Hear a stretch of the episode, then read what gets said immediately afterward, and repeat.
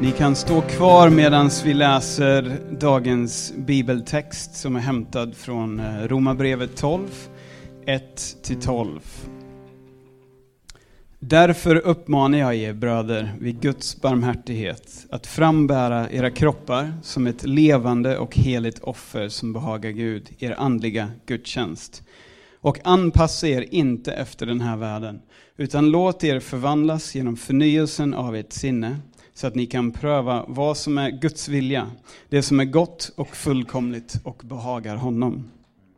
I kraft av den nåd jag har fått säger jag till var och en av er, ha inte högre tankar om er själva än ni bör, utan tänk förståndigt, efter det mått av tro som Gud har tilldelat var och en. För liksom vi är en enda kropp har många eh, i en enda kropp har många lemmar och alla lemmar inte har samma uppgift, så är vi många en enda kropp i Kristus, men var för sig är vi varandras lemmar. Vi har olika gåvor efter den nåd vi har fått, att profetera i överensstämmelse med tron, att tjäna i vår uppgift, att undervisa i läran, att förmana med uppmuntran och tröst, att dela ut gåvor utan baktankar, att vara hängiven som ledare eller att visa barmhärtighet med glatt hjärta. Älska varandra uppriktigt, avsky det onda, håll fast vid det goda, var innerligt tillgivna varandra i syskonkärlek, överträffa varandra i ömsesidig aktning. Var inte tröga när det gäller iver, var brinnande i anden, tjäna Herren. Var glada i hoppet, tåliga i lidandet och uthålliga i bönen. Det här är Guds ord till oss idag. Varsågod och sitt och välkommen fram Daniel. Tack Brad.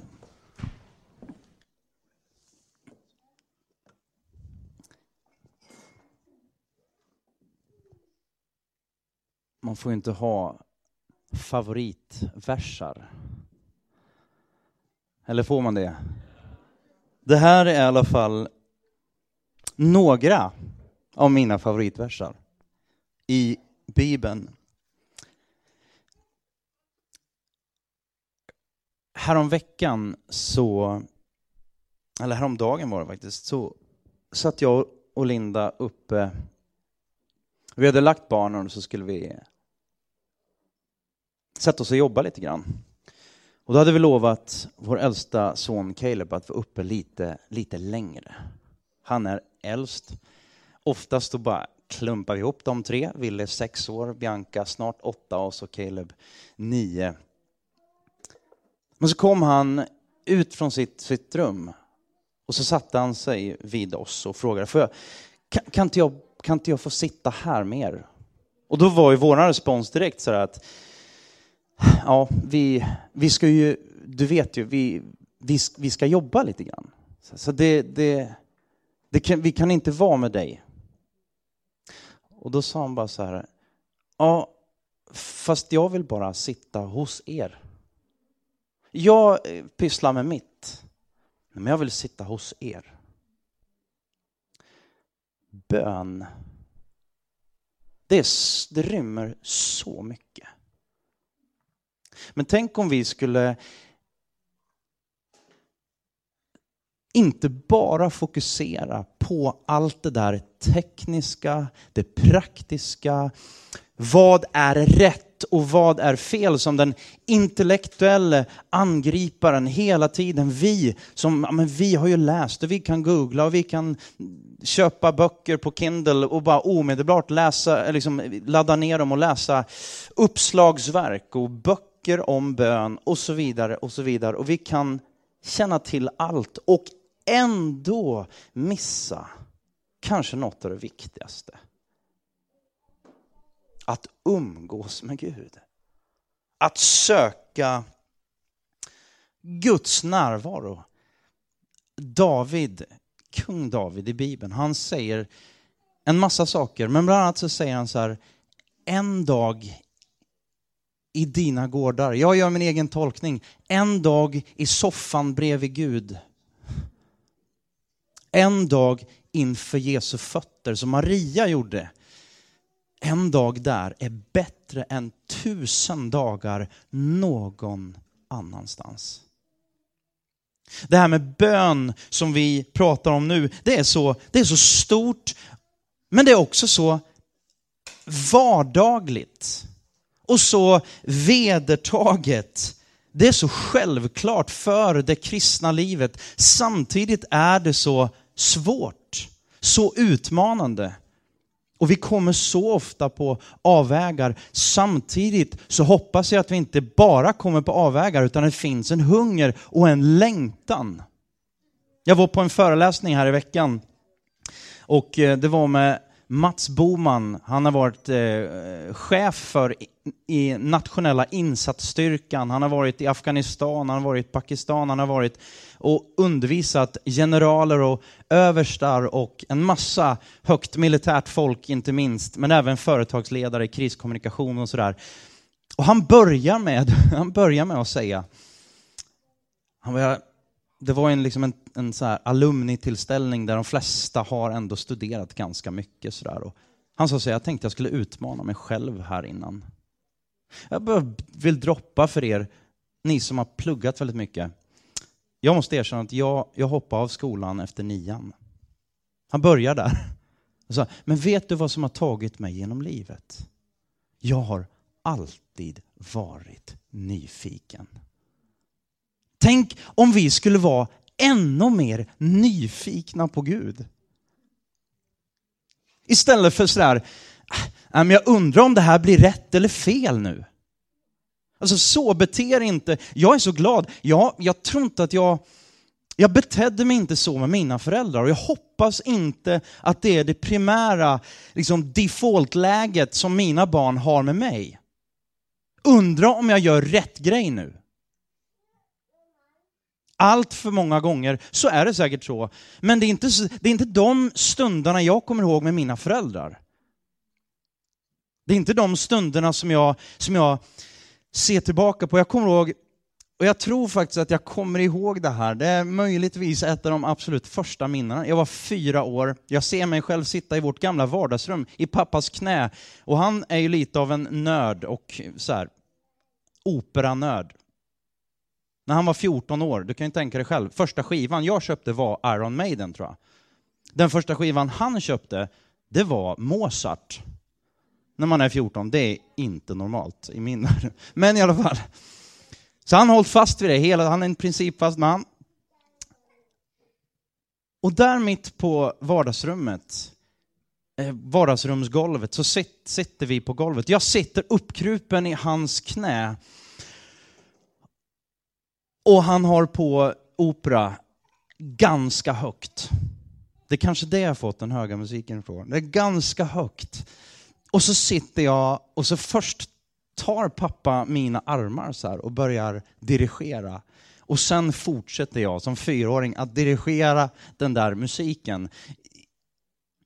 Att få sitta där, det kanske är så här, för mig som ett litet så här, med det lilla barnahjärtat. Det var liksom definitionen av lycka och trygghet. Bara helt upptagen i pappas armar. Det var allt, det var allt man behöver. Sen har jag mindre fina solskenshistorier i relationen till min älskade far, bara för att liksom, så jag hade slått mig, jag hade varit ute och cyklat, eh, och så hade jag skurit upp mitt eh, vänstra ögonbryn, så det, bara, alltså det, var, det var öppet. Liksom, så här, jag var rätt så vild, eh, även, även då. Eh, och så kom jag att cykla då, för det var närmast till min pappas eh, företag, min pappas jobb. Jag kommer in, han är på telefon. Och först så ser han min icke blodiga sida, eh, men någon halv sekund senare ser han min blodiga sida. Och först tittar han på mig, och sen tittar han på mig igen, och när han ser allt blod så han bara, han, han är på telefon så här, så bara tar han bort telefonen och säger så här, åk till mamma, Sen. Eh, bara för att liksom någonstans, så det var inte alltid det här. Bara för att inte måla upp någon slags eh, så här, felaktig bild. Det var inte alltid så glamoröst så. Jag älskar när det står, det står på ett par ställen, står det så här, och han, eller hon, men han vandrade med Gud, står det. Romarbrevet 12 och 1, vi ska titta på det.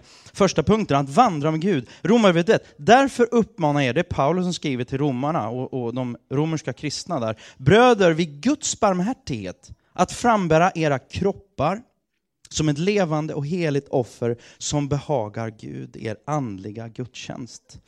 Vår andliga gudstjänst, det är ju inget annat än er livsstil som kristna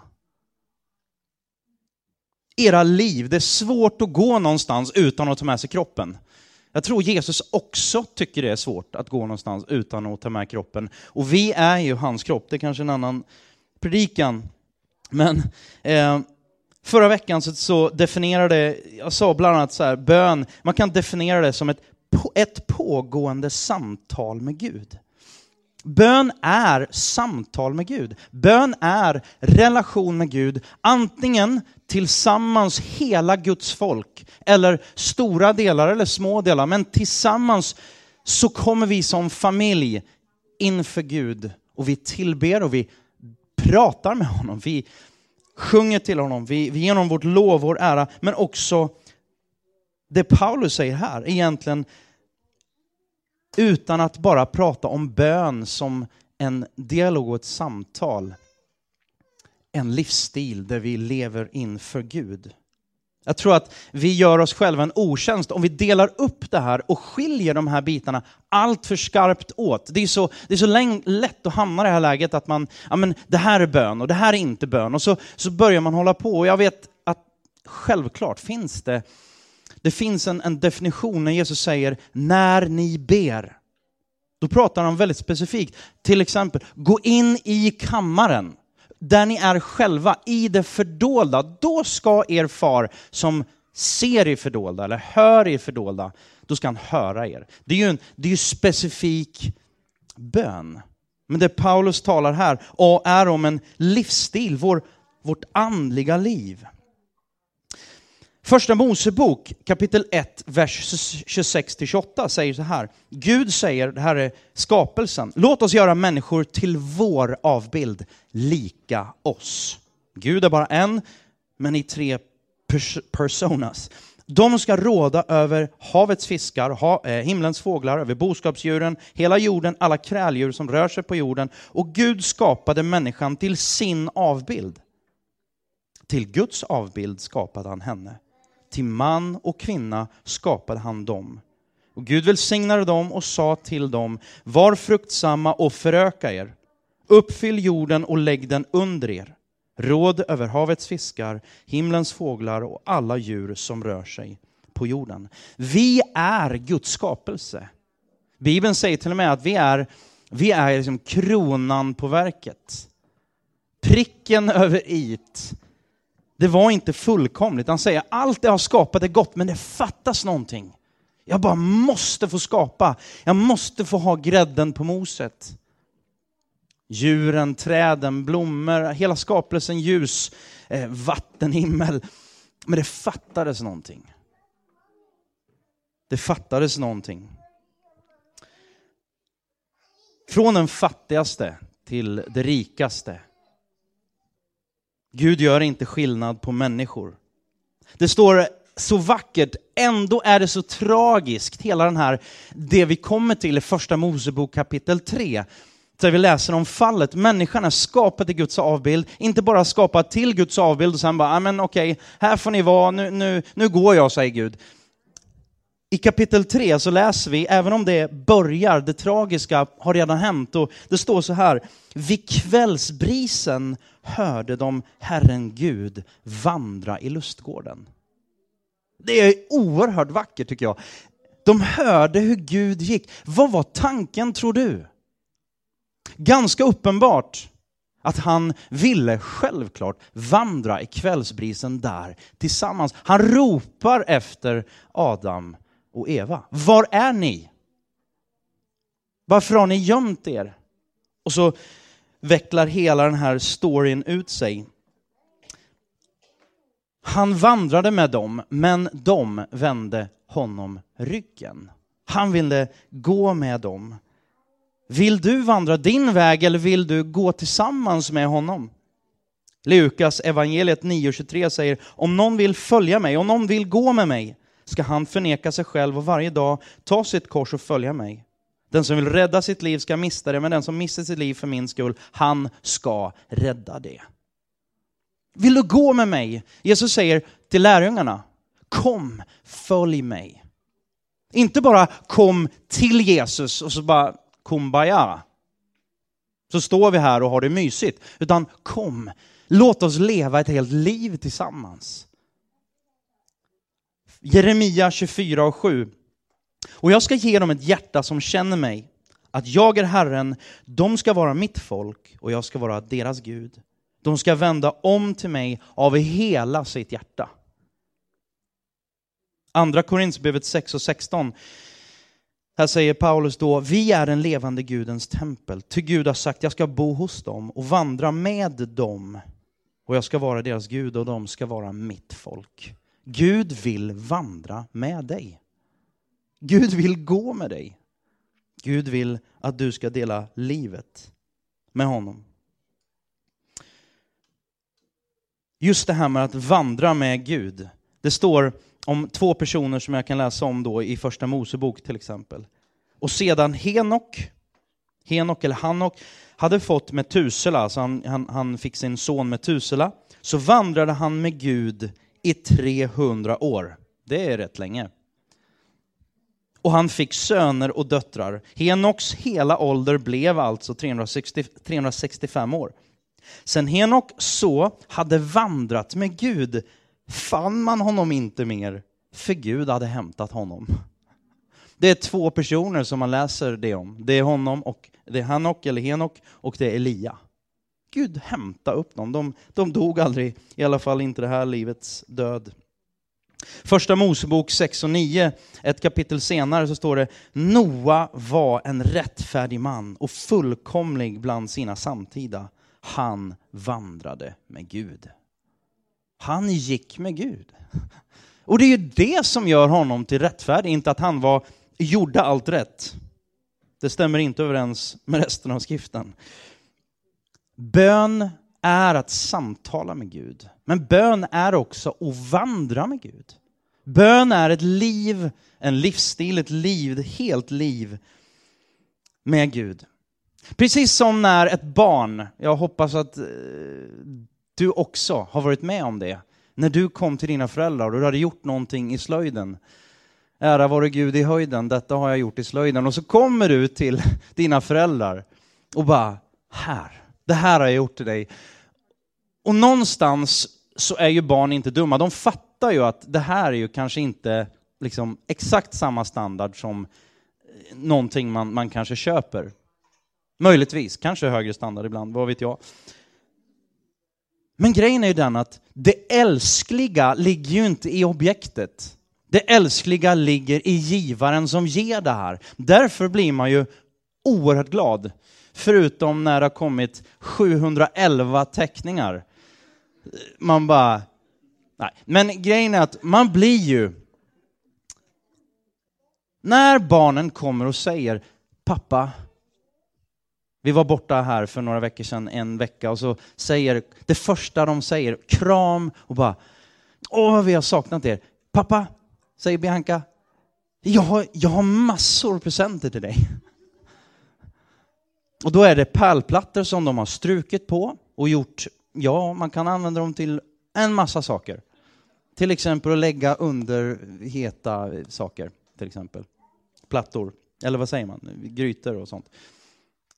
Men det, det bara händer ju någonting när jag ser kärleken och bara den gränslösa glädjen i hennes ögon att hon vill ge något till pappa. Och i det läget så finns det ingenting som är fult. Det finns inget som är fel. Är ni med mig? Jag tror att det inte är en alltför lång dragning till att säga, så är det inför Gud när vi kommer till honom i bön. När vi kommer till honom på riktigt. Ja, men jag kan inte be. Jag... Ja, men pröva att bara ge. Det kan liksom inte bli fel övning ger färdighet, ska vi prata lite grann om. Anpassa er inte efter den här världen, utan låt er förvandlas genom förnyelsen av ert sinne så att ni kan pröva vad som är Guds vilja. Det som är gott och fullkomligt och behagar honom. Man blir ju lik den man umgås med. Efter ett tag så, eh, efter att Linda och jag blev, blev tillsammans, efter ett tag så, jag börjar ju lära mig vad hon gillar och inte gillar. Det är en sak jag fortfarande inte fattar. Det är vilket godis hon gillar. Jag tror att det är, an, det är olika varje gång, så att vad jag än köper så är det förmodligen inte helt rätt. Nej, skämt åsido, men... men, men annars så bara, jag kan komma på mig själv så att jag reflekterar och så inser jag att det är nästan så, det här kan ju låta jättetragiskt om man är värsta tråkmånsen, men någonstans så bara, det är nästan, i vissa avseenden så har det, det har blivit lite suddigt. Är det här exakt jag som tycker det här? Eller är det Linda som tycker det här? Det kanske är jättefjantigt, men, men åtminstone så blir det inte så mycket konflikter just på de områdena. Så man kan väl alltid glädja sig åt någonting. När man spenderar tid med någon så lär man ju känna någon. Man lär känna eh, önskan, längtan, passion, drömmar, bara ren och skär vilja, preferenser. När vi spenderar tid med Gud, i Guds ord, ja, iPad, men i Guds ord, skulle liksom signifiera någonstans Bibeln, och när vi också tar tid och fortsätter att samtala med Gud utanför ordet på det sättet. Ehm,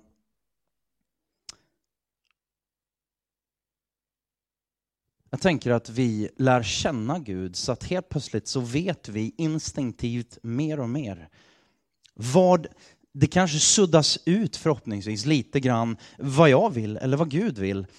Gud han är oändligt stor. Och helt plötsligt så börjar min, min vilja börja line up, vad säger man? Alltså ställa sig i linje med hans vilja. Och helt plötsligt så är det inte längre bara, åh, fy vad jobbigt, oh vad tråkigt, oj vad hemskt, eller vilket oerhört offer det här är. För plötsligt så bara, Hela mitt hjärta är fyllt av det här. Och jag vet att det är också vad Guds hjärta är fyllt av. Jag tror att eh, många relationer lider och går sönder. Många äktenskap, många kompisrelationer, många relationer mellan föräldrar och barn går sönder på grund av bristen på kommunikation. På grund av bristen på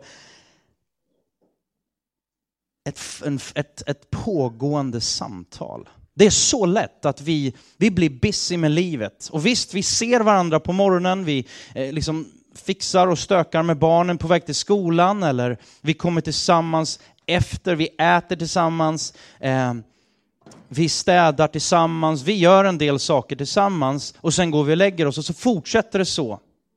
I bästa fall. Eller så är det, nej, jag kommer hem, jag åker innan eh, Linda går upp eller vice versa och jag kommer hem innan eller efter att Linda har gått och lagt sig, eller vad det nu är för något. Vi, vi, vi lever under samma tak, vi, vi finns liksom i samma omgivning. Men vi har inte ett pågående samtal med varandra. Förr eller senare så går relationen sönder. Det finns inga relationer, det finns inga hälsosamma relationer utan någon form av kommunikation. Eh, mest, eh, inte mest basic, en väldigt djup form av kommunikation är beröring. Barn som inte, nyfödda barn som inte får mänsklig fysisk beröring, det vet vi att de kan till och med dö att de in, av att de inte får mänsklig fysisk beröring. Barn som får mänsklig fysisk beröring jämfört med de som inte får det växer oerhört mycket mer hälsosamt och blir... Ja, det är väldigt, väldigt viktigt. Men utan någon som helst kommunikation så dör en relation. Finns inte en relation utan någon som helst kommunikation. Och det står ju här att Jesus säger bland annat i och inledningen till, som vi läste förra, för, förra veckan, och Brad, vi, vi, vi läste igenom Herrens bön, vår fader. Den kom ju på sätt och vis till då, eller Jesus, han ger oss den och han gav lärjungarna den. När de frågade hur ber man? Lär oss att be. Så uppenbarligen kan man också lära sig att be. Man kan bli bättre på att be, eh, om man nu använder de klantiga orden. Tim Keller, en pastor och predikant och lärare, författare allt möjligt, han säger så här, vi lever i en kultur som är utsvulten på själens djupare erfarenhet. Det finns ett vakuum i våra liv. Vi har blivit tillsagda att vi inte behöver religion, ändå söker vi mystiska upplevelser genom alla typer av tekniker. Men vi finner att vi inte kan ersätta bön. Verklig intimitet med den oändlige. Jag tycker det är vackert. Verklig intimitet med den oändlige. Mystiska upplevelser genom alla typer av tekniker. Å ena sidan säger jag, vi kan bli bättre på att be. Och då fokuserar, kan vi ju bara, ja, men vi bara fokusera på tekniker. Men det jag vill lyfta fram idag, vi lyfter fram, inte teknik, men, men lite mer så format förra veckan. Och nu kanske det är lite mer bara så här, syfte, mål, mening med bön. Vi vill inte ha det antingen det ena eller det andra, utan vi vill ha både och. Om man tittar då på det här både och. Vi har hjärtats bön. Men hjärtats bön från någon annan. Någon som har skrivit, kanske skrivit ner det. Vi tar psalm 51 eller psalm 27. Båda de psalmerna var skrivna av kung David. Strukturerad bön, man kan prata om liturgisk bön. Apostlärningarna 2.42, de höll troget fast vid apostlarnas undervisning och gemenskapen, brödsbrytelserna och bönerna. Många, många eh, teologer är nog ense om att mycket av den bönen, det var nedskrivna böner. När man gick till templet under gamla testamentet så, så sjöng man, och, och jag tror att det var psalm 118, om det inte var hela så var det i alla fall delar av den psalmen.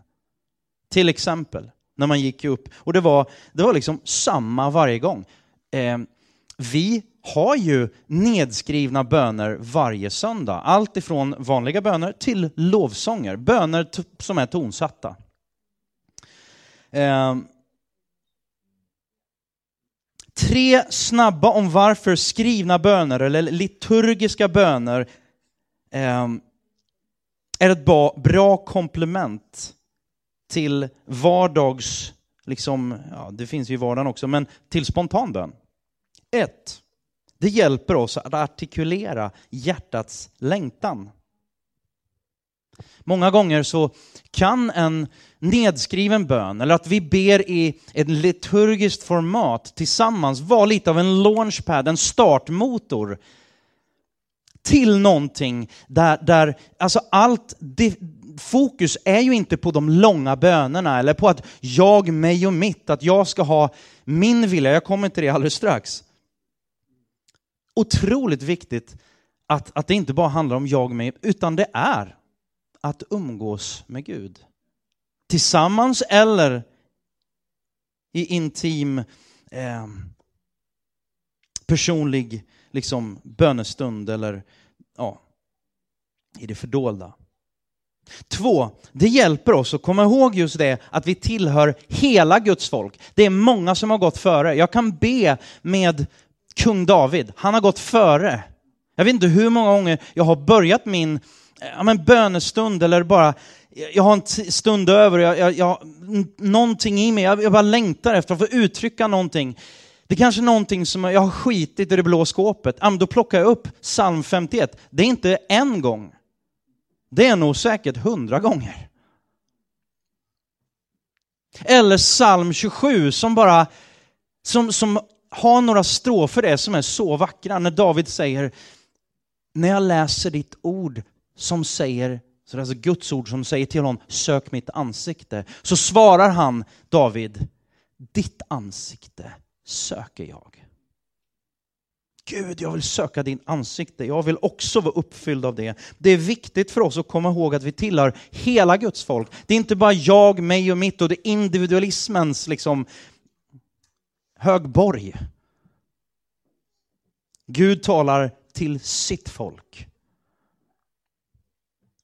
Och tre, skrivna böner, liturgi, inte minst, och liturgiska böner hjälper oss att stå emot frestelsen att stå i centrum och få all uppmärksamhet. Allt ifrån att bönerna då inte behöver handla om bara jag, mig, mitt. Men du behöver heller inte tänka på att du ska med briljans formulera dina fantastiska böner. Eller ens dina fantastiskt djupa, hjärtefyllda böner. Plötsligt är det inte, nej men oj, vad jobbigt det blev för oss svenskar, individualister som vi är. Ska någon annan säga vad jag ska be? Ja, Jesus gjorde ju det. Kanske att vi har att lära oss av de som har gått före. Det behöver inte vara liksom din briljans att formulera fyndiga böner eller djupa insikter eller någon slags profetiska grejer. Det har sin plats och jag har kommit till det nu. Och det här tror jag är del av eh, det här med att det hjälper oss, Romarbrevet 12 och 2, förnya ditt sinne. Jag tror att det är del av det.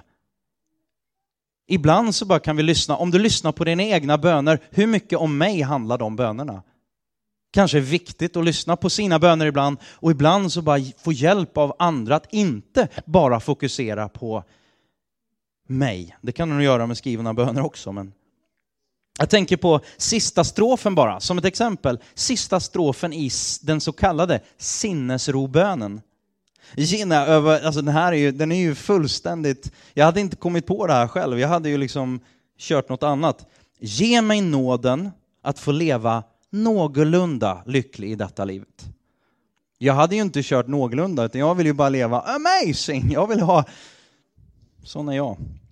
Och i fullkomlig salighet tillsammans med honom i det tillkommande. Återigen, det är ett fokus på evigheten. Det finns så mycket där.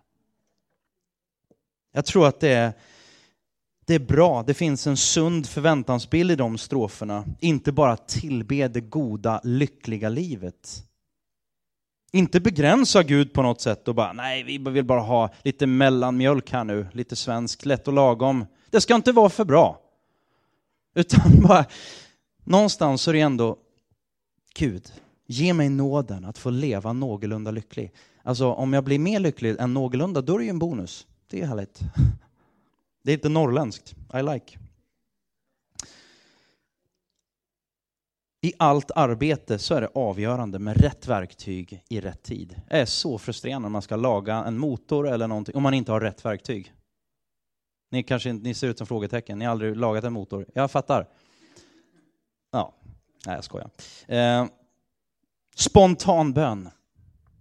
Jesus ger både exempel på strukturerad kalla det liturgisk bön eller strukturerad bön. Fader vår eller vår fader. Han ger också exempel på, och Bibeln ger många exempel på, där Maria helt plötsligt bara, bara brister ut i spontan tillbedjan. Jesus, hela eh, liksom senare delen av Johannes evangelium är ju bara en lång bön där han ber för lärjungarna. Han ber för dig och mig.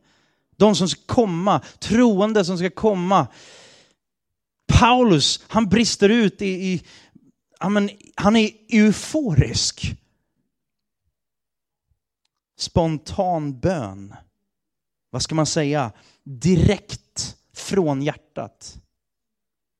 Jesus säger, be inte för de långa bönernas skull. Rabbla inte bara tomma ord. Jag skulle säga så här, spontan bön eller liturgisk bön, vad du än gör, se till att det inte är tomma ord. Så att det bara, ja men det lät ju fint. Det var ännu en teknik. Jag tror att liturgiska böner, någon som har hållit på med, har varit väldigt fria innan och så kommer de på det här och inser att oj, det öppnas en ny värld här med liturgiska böner och, och så blir man upp över öronen förälskad i det och inte i Gud. Eller tvärtom, man kommer från det hållet och så bara upp, ser man här nu då vad vackert det var med, med, med fri bön och så blir man helt förälskad i det fria och så är vi inte både och. Utan vi är antingen eller och vi förstår inte dynamiken utan det blir lite antingen eller helt enkelt.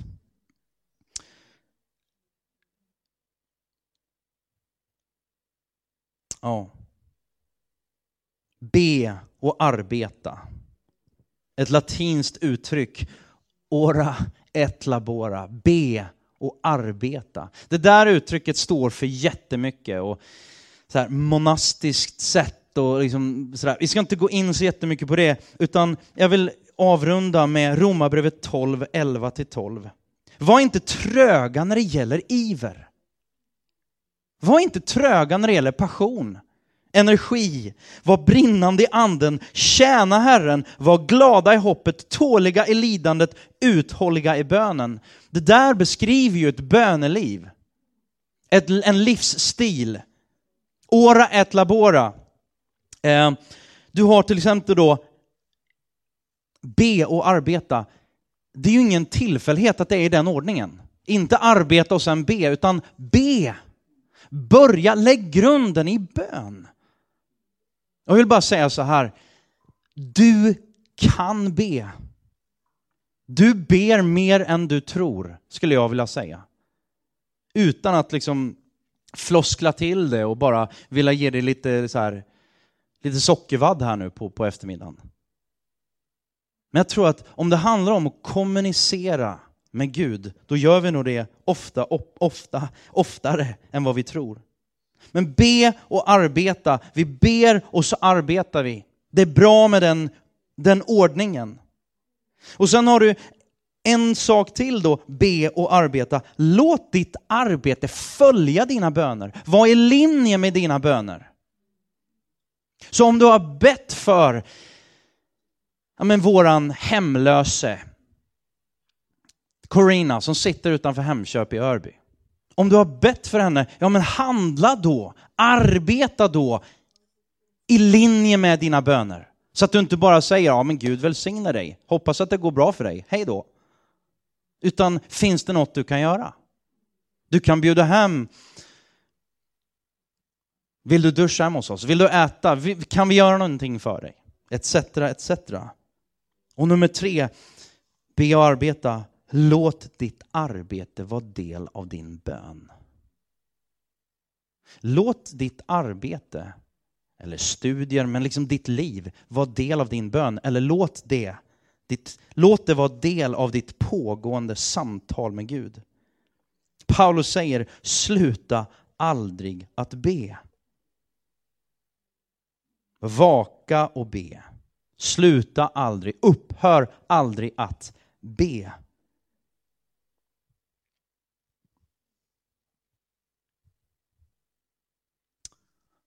Anthony, do you want to come?